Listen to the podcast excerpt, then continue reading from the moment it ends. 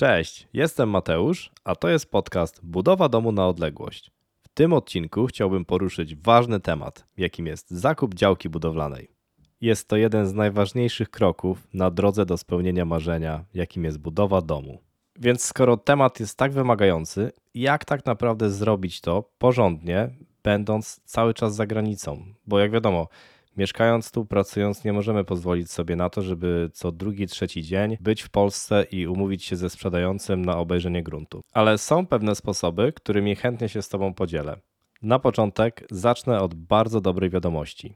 Otóż rynek nieruchomości pod budowę, działek budowlanych w Polsce jest naprawdę bardzo duży. Jest spora konkurencja, jest duży wybór i teraz w 2023 roku, poprzez to, że zdrożały stopy procentowe, jest troszeczkę mniejsze zainteresowanie i ruch na tym rynku, jest naprawdę fajny okres, żeby kupić działkę budowlaną, bo niektóre nawet trochę staniały, jest ich więcej na rynku i po prostu mamy większy wybór jako inwestorzy.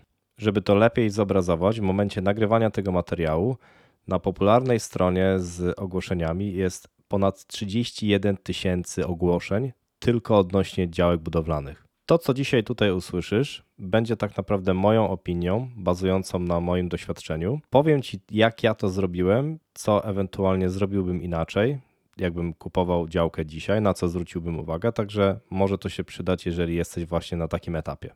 Uważam, że większość rzeczy, które dzisiaj tutaj omówię, mogą przydać się ludziom, którzy kupują działkę i mieszkają w Polsce ale będzie kilka z nich szczególnie przydatnych dla ludzi, którzy kupują nieruchomość zdalnie. Więc zapraszam do słuchania.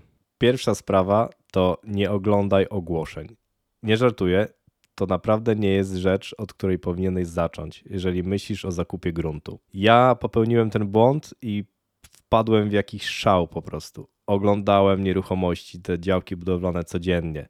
Dzwoniłem do rodziców, którzy mieszkają w Polsce, wymieniałem jakieś poglądy, opinie, a może ta, a może tamta, i zgubiłem jakieś poczucie rzeczywistości, o co tak naprawdę chodzi z tą działką, jakich walorów ja od niej wymagam, mm, czego szukam. Także y, ja zrobiłbym to dzisiaj zupełnie inaczej. Przygotowałbym sobie jakiś dokument tekstowy w Wordzie albo w Excelu, y, jakąś tabelkę, usiadł z partnerką czy partnerem i zrobił taką burzę mózgów. Czego tak naprawdę oczekuję od lokalizacji, w której będzie stał dom? I myślę, że są tutaj dwa takie główne jakby typy, e, bo z jednej strony możemy chcieć jakby działkę blisko miasta, która będzie miała te walory takie, że komunikacja miejska będzie tam dojeżdżać, będziemy mieli e, z głowy jakieś tematy typu kanalizacja, mm, jakieś dostawy gazu i innych mediów. Będziemy mieli wszędzie blisko, dzieci będą miały blisko do szkoły, będziemy mogli pójść do kina i tak dalej.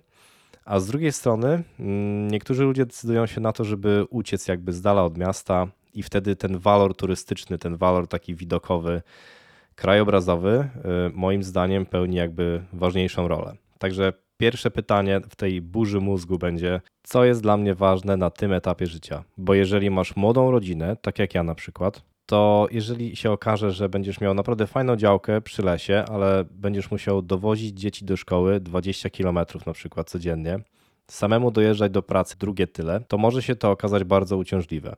Z drugiej strony, jeżeli przyjeżdżasz do Polski i budujesz się, żeby spędzić emeryturę, to po co ci hałas odjeżdżających autobusów za oknem, e, spacerujący ludzie i tak dalej. Druga bardzo ważna sprawa to pytanie, co ja chcę zbudować na tej działce, czyli jaki typ nieruchomości. Czy to ma być dom parterowy, czy to ma być dom piętrowy, czy masz jakiś projekt indywidualny, który, który wygląda jakoś nietypowo czy z drugiej strony jesteś gotowy na to, żeby poddać się jakby bardziej rygorystycznym zasadom miejscowego planu zagospodarowania i dostosować wygląd swojej nieruchomości na przykład do domów, które są w okolicy? Bo tak może być, jeżeli będziesz budował się na przykład w mieście.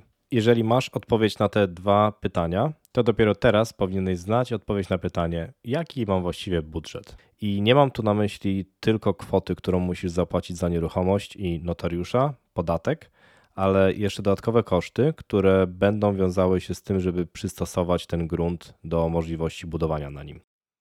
Warto też na tym etapie rozważyć ewentualny koszt dojazdów z takiej działki do szkoły, tak jak wspominałem, lub też do pracy. E, to jest coś, o czym ja nie myślałem, a wydaje mi się, że to może być istotny, y, istotny czynnik, bo jeżeli zdecydujemy się jako młoda rodzina na budowę domu na wsi, to może okazać się, że stosunkowo tani grunt będzie bardzo drogi na przestrzeni lat, jeśli chodzi o dojazdy. Stanowczo odradzam próby oszczędzania na zakupie działki budowlanej. Jest to naprawdę najgorszy możliwy sposób na oszczędzenie pieniędzy, bo później na różnych etapach budowy możecie kupić sobie trochę gorsze okna, trochę gorsze drzwi, być może nawet, nie wiem, blachodachówkę zamiast dachówki, ale domu nie przeniesiecie w inne miejsce i może to być poważny problem. Ok, na tym etapie mamy już jakąś wiedzę, wiemy mniej więcej co chcemy i jaki mamy budżet. Także pora wejść na nasze ulubione strony i zacząć nie od wertowania ogłoszeń, tylko od filtrowania w naszej wyszukiwarce, żeby mieć tak naprawdę jak najmniejszy wybór. I powiem dlaczego za chwilę. Także wpisujemy lokalizację lub jakiś konkretny obszar, który nas interesuje. Wpisujemy rodzaj działki, bo działki mogą być leśne, rolne, letniskowe i tak dalej. My konkretnie skupiamy się tutaj na działkach budowlanych, więc zaznaczamy, żeby były to tylko działki budowlane.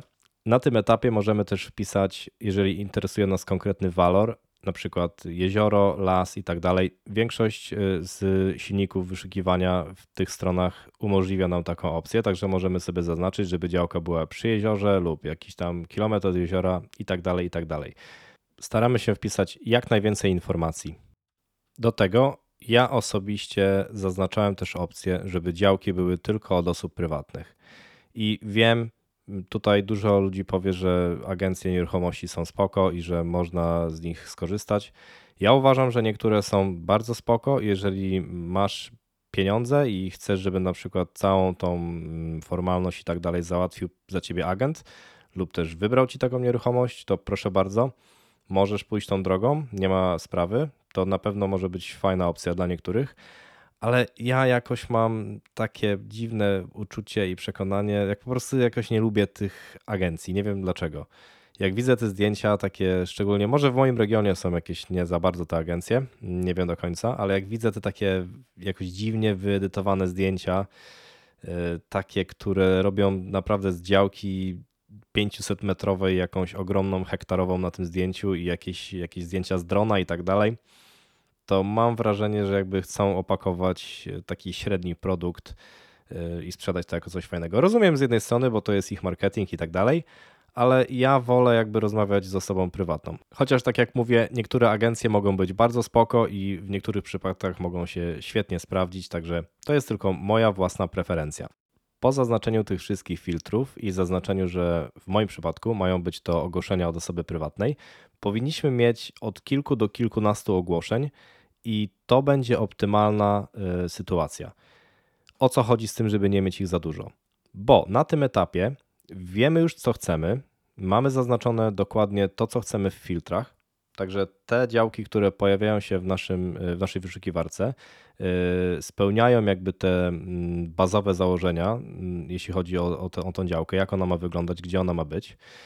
I jeżeli będziemy mieli za dużo tych opcji, to będzie nam trudno wybrać tak z psychologicznego punktu widzenia, im mniej jest y, jakby do wyboru, tym lepiej.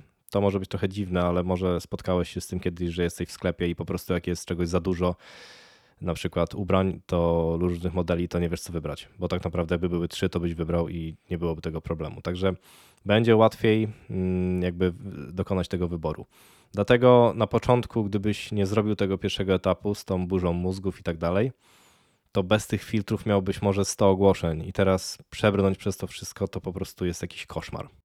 Jeśli mamy już te kilka ogłoszeń czy kilkanaście, które nas interesują, warto też na tym etapie przygotować sobie grunt pod przyszłe negocjacje, czyli na przykład y, zauważyć takie prozaiczne rzeczy. Na przykład y, mamy teraz wiosnę y, albo lato, a ogłoszenie jest y, dodane ze zdjęciami z zimy albo ze zdjęciami z jesieni. To może nam sugerować, że ogłoszenie jest już jakiś czas na rynku i na przykład nie ma chętnych, żeby kupić taką działkę. Niektóre serwisy podają również liczbę dni, w przeciągu których ogłoszenie było wystawione w sieci. Warto też zajrzeć, jeżeli jest taka możliwość, i kliknąć na nazwę sprzedającego i zobaczyć, czy ta osoba ma więcej działek wystawionych, bo może się okazać, że to jest na przykład kryptoagencja. Nie, żeby byłem jakiś uczulony na tę agencję, ale inaczej będzie, jeżeli to będzie jakiś przysłowiowy Janusz, rolnik, który sprzeda nam kawałek swojego gruntu, a inaczej będzie, jeżeli to będzie ktoś, kto kupił sobie hektary, podzielił i teraz y, szuka jakiegoś zarobku. Wiadomo, obie te osoby mm, chcą zarobić i nie ma nic złego w zapłaceniu dobrze, y, uczciwie za fajny produkt, ale są to takie niuanse, które warto wiedzieć, zanim wykona się telefon. Ok, więc uzbrojeni w tą niesamowitą wiedzę możemy wykonać telefon do sprzedających. O co pytać w trakcie takiej rozmowy? Większość ludzi na tym świecie jest uczciwa i większość ludzi będzie chciała Wam pomóc i powie Wam, jeżeli zapytacie wprost, dlaczego Pan sprzedaje lub Pani sprzedaje tą działkę, kto mieszka obok, jak wygląda sąsiedztwo, czy mogę przyjechać i tak dalej. Spróbujcie jakby wyczuć tego człowieka, czy nie stoi za tym jakiś mały szwindel, bo jak robicie to z zagranicy, to jakby macie większe jakby takie przeczucie, że coś może pójść nie tak, ale bez przesady, bez nadmiernych obaw, zadajcie normalne pytania. I tutaj mały tip, najlepiej zadzwonić z numeru zaczynającego się od plus 48. Po nazwijmy to kurtuazyjnej części rozmowy możemy przejść do konkretów. I tutaj warto zapytać o parę kluczowych spraw. Numer działki i obręb, w którym się ona znajduje, numer księgi wieczystej i wypis lub dane z miejscowego planu zagospodarowania przestrzennego, jeżeli taki obowiązuje w danym obszarze, lub jeżeli takiego nie ma, czy do tej nieruchomości zostały wydane warunki zabudowy. Te trzy informacje pozwolą nam na weryfikację, czy to, co mówi sprzedający, jest prawdą e, i czy będziemy mogli zbudować e, na tej nieruchomości taki dom, jaki mamy w planach.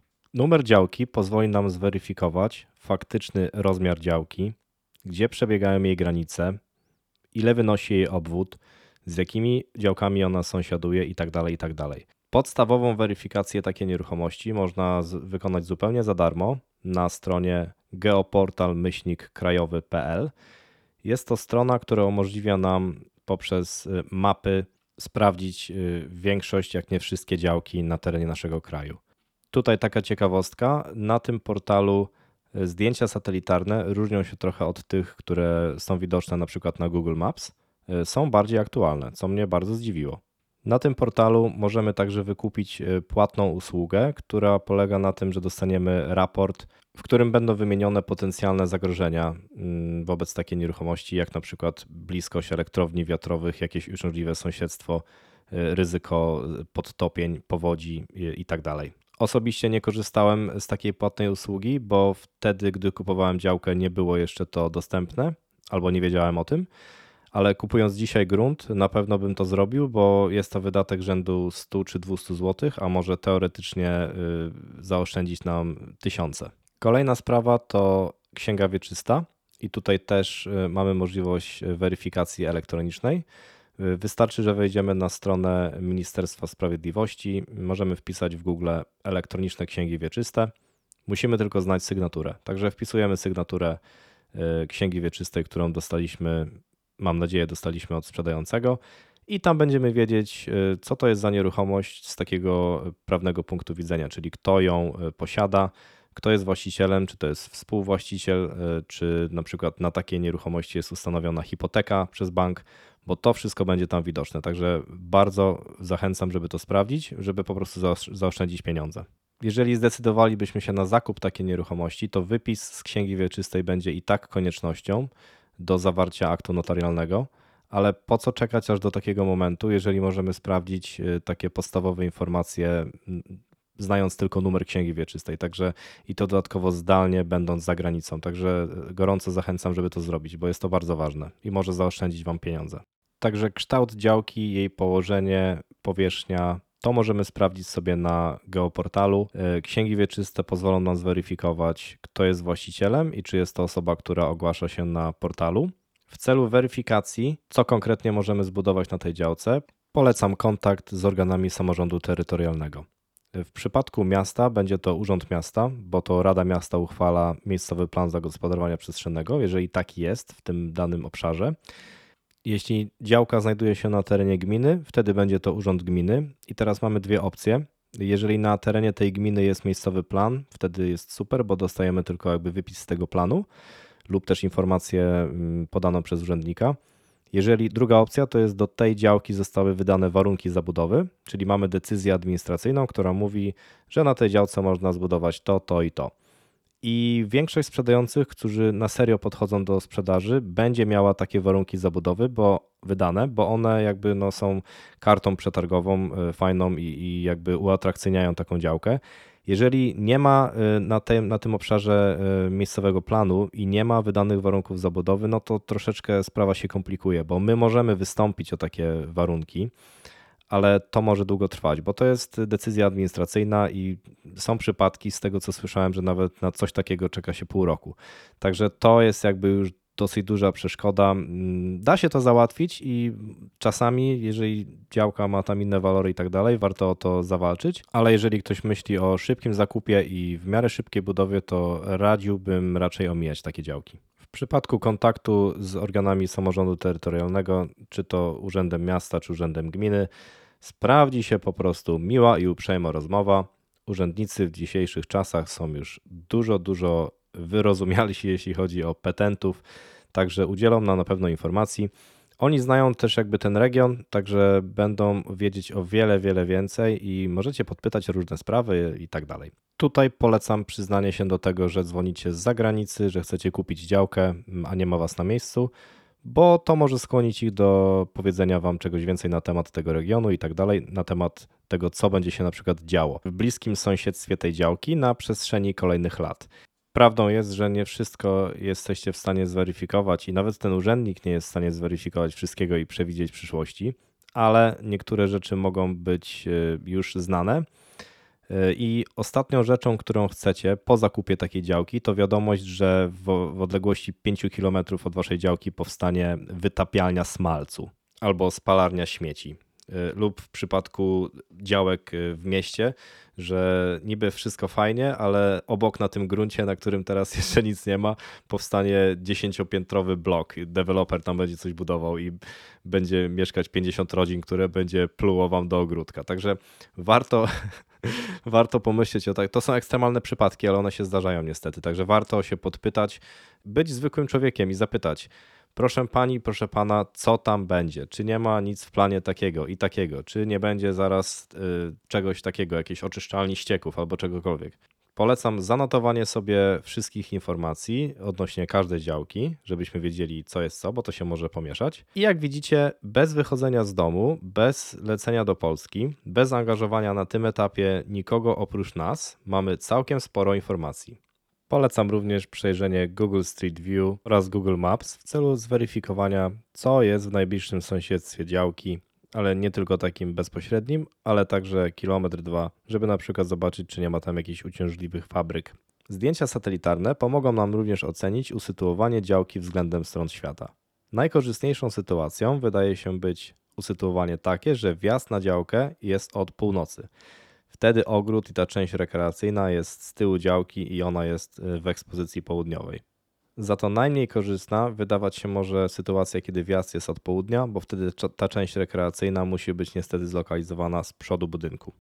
W moim przypadku wjazd na działkę znajduje się od strony wschodniej i dzięki temu za budynkiem ta tylnia część y, ma ekspozycję zachodnią. Ok, po zebraniu tych wszystkich informacji możemy przejść do kolejnego etapu, czyli zaangażować kogoś na miejscu u nas w kraju, żeby zobaczył działkę lub działki fizycznie. Najlepiej, gdy będzie to ktoś z naszej rodziny lub jakiś zaufany znajomy, ale jeżeli nie macie kogoś takiego na miejscu, warto pomyśleć na tym etapie o wynajęciu usług kogoś, kto się tym zajmuje lub jakiejś firmy. Myślę, że całkiem dobrym pomysłem może być też poproszenie o to osoby, którą w późniejszym etapie będziemy chcieli zatrudnić jako kierownika budowy. Może taka osoba nie będzie w stanie ocenić do końca jakichś walorów e, krajobrazowych działki lub e, jakichś innych rzeczy, które nas konkretnie interesują, ale doświadczony kierownik budowy na pewno będzie miał jakieś pojęcie, czy ten grunt nadaje się na budowę domu. Możesz też zlecić y, badania geologiczne, co naprawdę polecam, jeżeli na przykład w okolicy jest tak, że nie ma innych domów. Wiem, kosztuje to dodatkowe kilka lub kilkanaście stów y, w dzisiejszych czasach, ale tak jak mówiłem wcześniej, na działce nie warto oszczędzać, bo to się później zemści. I takich badań może nie warto robić jest na trzech działkach, które e, jakby bierzemy pod uwagę, żeby je kupić, ale na tej ostatecznej, na którą już jesteśmy tak naprawdę zdecydowani, warto takie coś wykonać, jeżeli nie ma wokół innych domów. Ok, więc powiedzmy, że wysłaliśmy naszego reprezentanta na budowę. W moim przypadku byli to moi rodzice i rodzice mojej żony, którzy sprawdzili działkę, która nam się podobała przez internet. Po takim sprawdzeniu przyjdzie czas, niestety albo stety, na to, żebyście to wy, mieszkając za granicą, pofatygowali się do Polski i zobaczyli tą nieruchomość osobiście. Mówię stety albo niestety, bo to jednak jest frajda oglądać działkę, na której będzie stał nasz wymarzony dom. Jest już y, zupełnie inna sytuacja, bo jak zaczęliśmy od 100 działek powiedzmy na serwisie y, z ogłoszeniami, tak mamy teraz dwie, trzy, które chcemy obejrzeć osobiście. Jeśli spodoba się Wam któraś z tych nieruchomości i będziecie chcieli ją kupić, bardzo polecam w tym momencie wykorzystać instytucję umowy przedwstępnej. Cóż to takiego jest umowa przedstępna? Jest to nic innego jak zwykła umowa na bazie kodeksu cywilnego, która zobowiązuje dwie strony do wykonania pewnych czynności. W tym przypadku będzie to zobowiązanie z jednej strony Was jako kupujących do tego, że kupicie w określonym przez Was czasie w umowie tą nieruchomość i wobec sprzedającego, który zobowiąże się Wam ją sprzedać. Zazwyczaj w trakcie takiej umowy osoba kupująca przekazuje sprzedającemu tak zwany zadatek. Jest to umówiona kwota pieniędzy, która jest taką zaliczką na poczet tej nieruchomości. Ona jakby rezerwuje wam tą nieruchomość. Na podstawie kodeksu cywilnego, gdyby jedna ze stron rozmyśliła się, czyli na przykład wy nie chcecie jednak kupić takiej działki, to wasz zadatek przepada na rzecz e, sprzedającego, a gdyby to on się rozmyślił i nie chciał wam sprzedać lub nie chciała wam sprzedać, to jest Wam winna lub winien dwukrotność takiego zadatku. W takiej umowie przedwstępnej polecam zawrzeć zapis, że w ciągu powiedzmy 30 dni, tak było w moim przypadku, zostanie zawarta ostateczna ta finalna umowa, czyli akt notarialny nabycia nieruchomości u notariusza. I w międzyczasie zostanie przez kupującego dokonane sprawdzenie, czy na tej działce można wybudować, czy ten plan zagospodarowania przestrzennego się zgadza, Zostaną pobrane wszystkie wyrysy, wypisy z rejestru gruntów, e, z miejscowego planu zagospodarowania i inne dokumenty, które są konieczne do aktu notarialnego. Warto również dodać zapis, że w przypadku braku uzyskania takich dokumentów lub gdy okaże się, że działka tak naprawdę jest e, niezdatna do budowy, nie nadaje się na budowanie domów, to ta umowa przedstępna staje się nieważna, a zadatek podlega zwrotowi na rzecz kupującego.